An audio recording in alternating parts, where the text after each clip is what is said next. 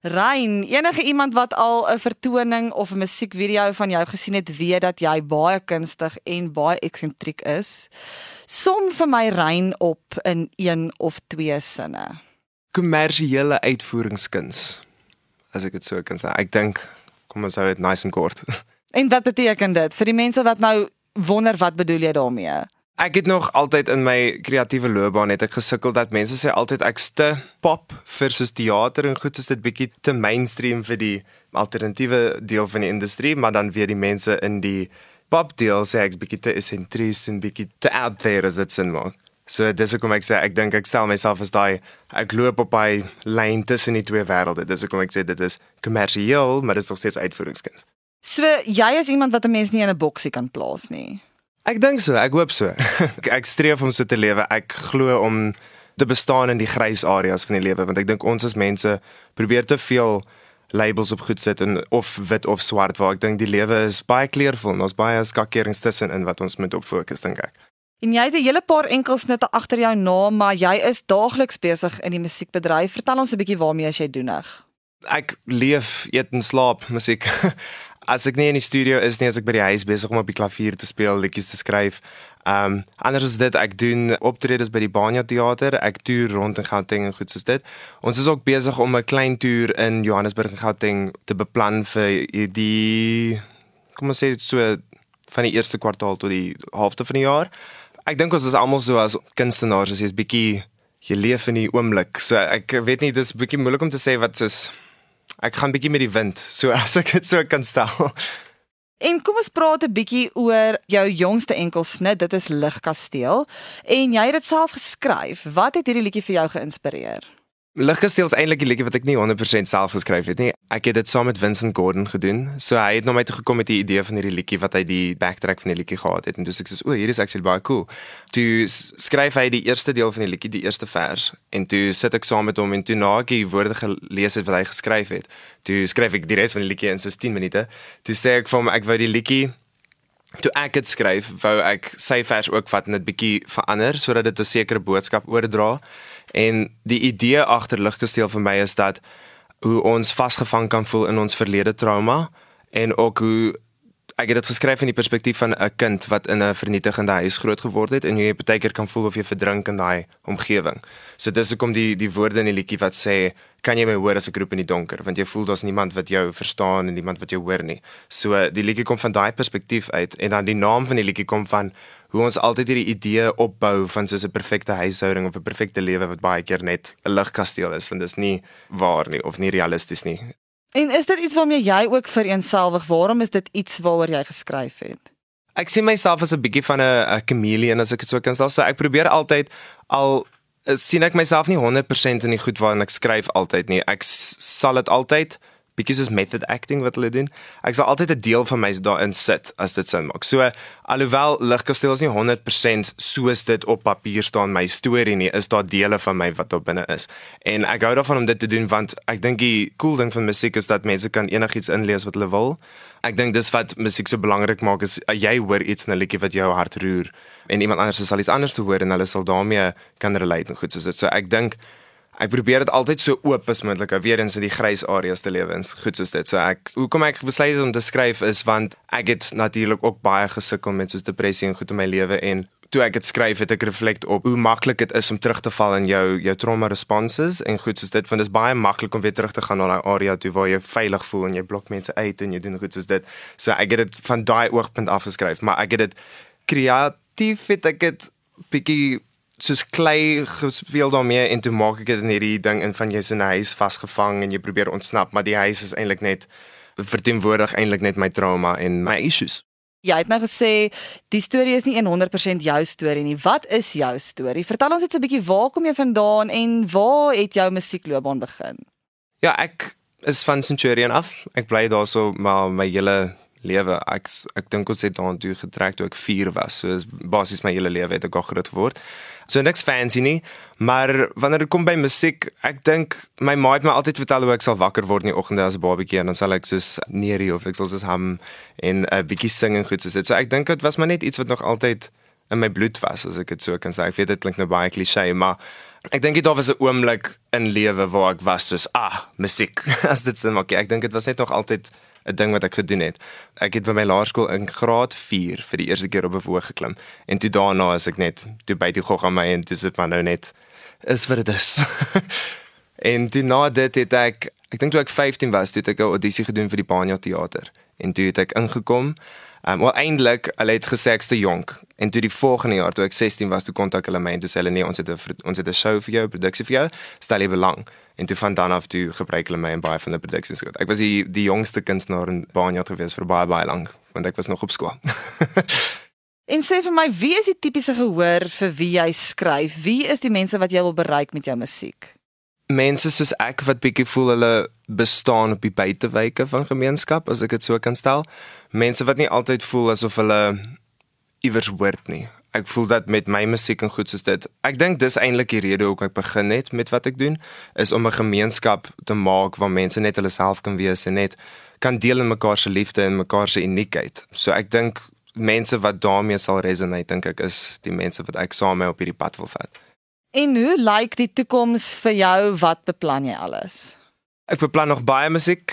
Ek beplan baie vertonings en goed soos dit en baie interessante visuele materiaal. Dis ook een van my passies is om nie net my kuns deur musiek uit te beeld nie, maar ook deur visuele elemente soos musiekvideo's en ook op verhoog. Ek probeer altyd om iets anders te doen en 'n boodskap te vertel deur wat ek doen. So ewen op die verhoog wat ek sal doen is ons sal props en goed gebruik om 'n storie te bou. So dis wat ek soos vroeër gesê het waar ek bring teater bietjie in dit in. So ja, ek beplan baie sulke goed en dan waar ook al lewe myself vat. Ek dink dat ek's baie 'n medium termyn beplanner want ek glo nie daarin om te ver vooruit te beplan nie want die lewe het 'n habit om te wees soos hey jy weet daai ding wat jy beplan het. Nee, kom ons vat jou hierdie kant toe. So ek probeer maar met nogal korttermyn tot medium termyn te hou met al my planne want ek soos ek gesê het, ek gaan maar met die wind. Ek is 'n tipiese hippie kunstenaar. En dan het ek 'n voeltjie oor vlei dat jy baie goed is in ijskaats. Dit is ook iets wat jy baie geniet. Kom ons praat 'n bietjie daaroor. Dit is nogals interessant. So ek het laas jaar het ek begin ijskaats. Ek het toe ek baie baie klein was, ek prof en soos seker 10, 11 jaar oud. Toe ek gelove om na die ijskaatsbaan toe te gaan. Ek het altyd saam so met my neefie gegaan want hy het hy baie gaan ijskaats. Maar ek was net een van daai mense wat bietjie soos jy klim op die ys en jy jy doen dit, jy val nie, maar dit lyk nie baie mooi nie en jy soos dis skaars goed.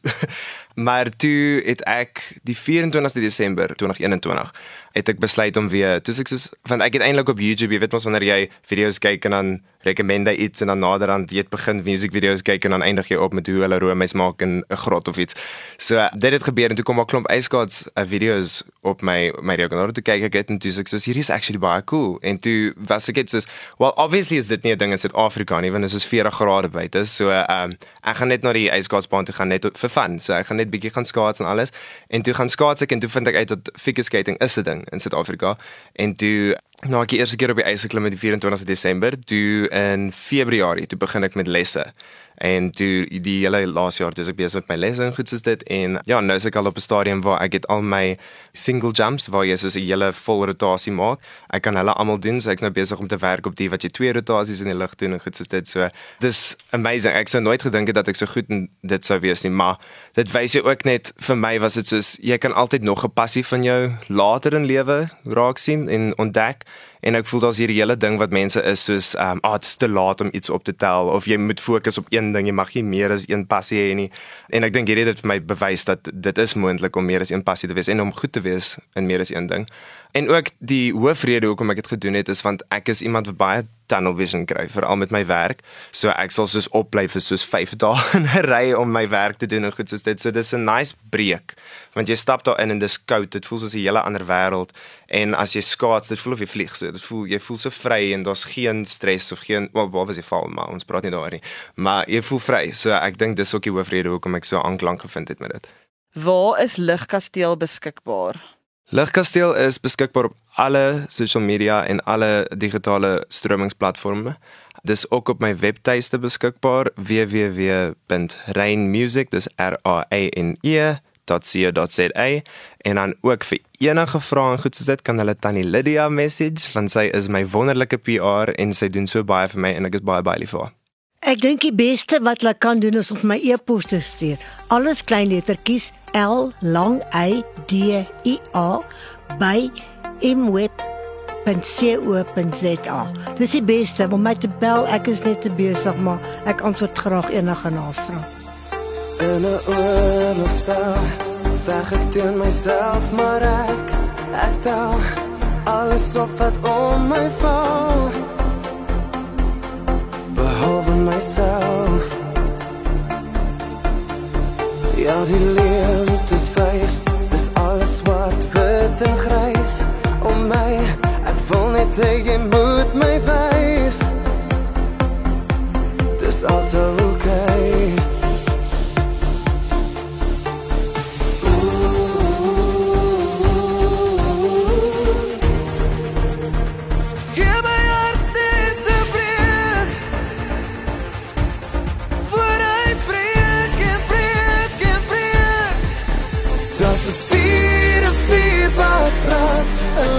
Lugkasteel wat voor my val. En ek skree, ek skree jou naam, kan jy my hoor? As ek roep in die donker.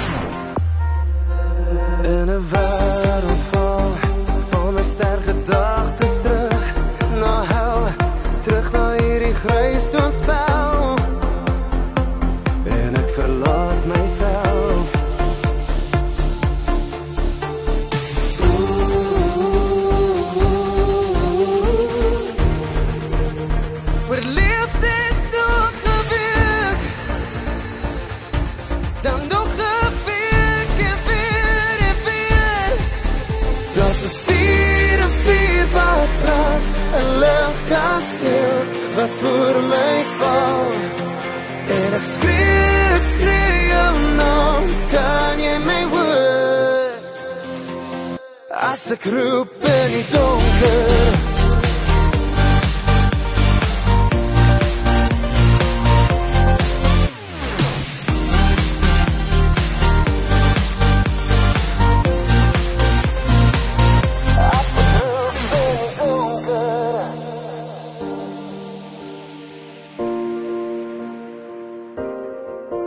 Daar's 'n vuur, 'n vuur wat brand, 'n lugkasteel wat voor my val.